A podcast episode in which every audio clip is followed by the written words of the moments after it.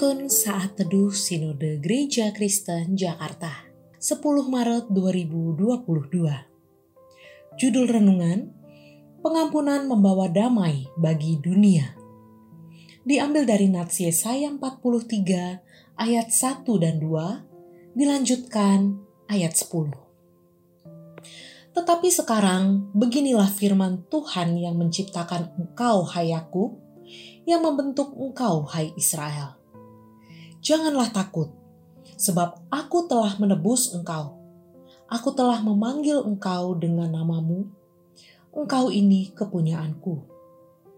Apabila engkau menyeberang melalui air, aku akan menyertai engkau. Atau melalui sungai-sungai, engkau tidak akan dihanyutkan. Apabila engkau berjalan melalui api, engkau tidak akan dihanguskan. Dan nyala api tidak akan membakar engkau.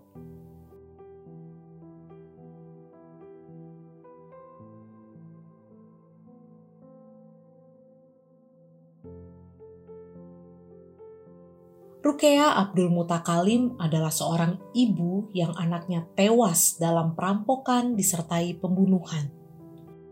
Perampok sadis telah menembak mati anaknya, ditinggalkan terbaring di jalan berlumur darah sampai organ otaknya berserakan. Hatinya hancur dan jiwanya tergoncang. Masa penghakiman pun tiba. Perampok dengan usia yang terbilang masih cukup muda itu diadili. Tetapi sungguh menakjubkan respons Ibu Rukea kepada tersangka yang menewaskan anaknya.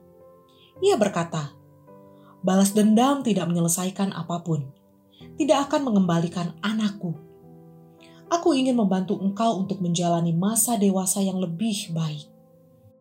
Ia memaafkannya, memeluknya, dan ingin membantu agar tersangka mendapat kehidupan yang lebih dewasa dan belajar hidup yang lebih baik.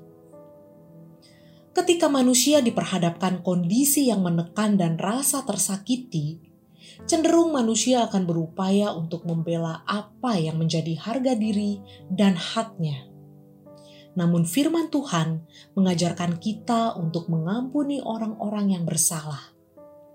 Hati yang besar untuk dapat hidup mengampuni orang lain adalah hati yang Tuhan kehendaki.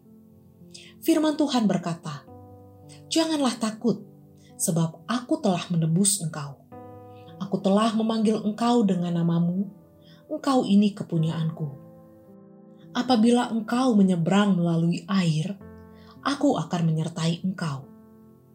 Perkataan Tuhan melalui Nabi Yesaya ini ditujukan kepada umat yang menyakiti hati Tuhan. Namun, Tuhan tidak membinasakan umatnya. Sebaliknya, Tuhan memberikan pengampunannya sehingga umat bisa hidup dalam damai sejahtera. Apa yang Tuhan lakukan harusnya juga mendorong kita untuk mengampuni orang lain.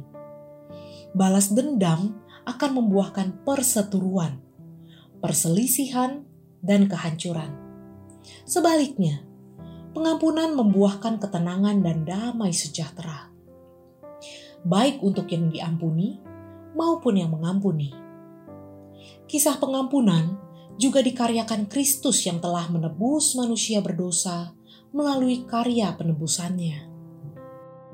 Karena kita, ia menderita agar setiap kita, umat pilihan, diselamatkan dari hukuman dosa. Mari kita senantiasa hidup mendekat kepada Kristus. Mari bersyukur dan bersuka cita karena kuk perhambaan dosa telah dipatahkan.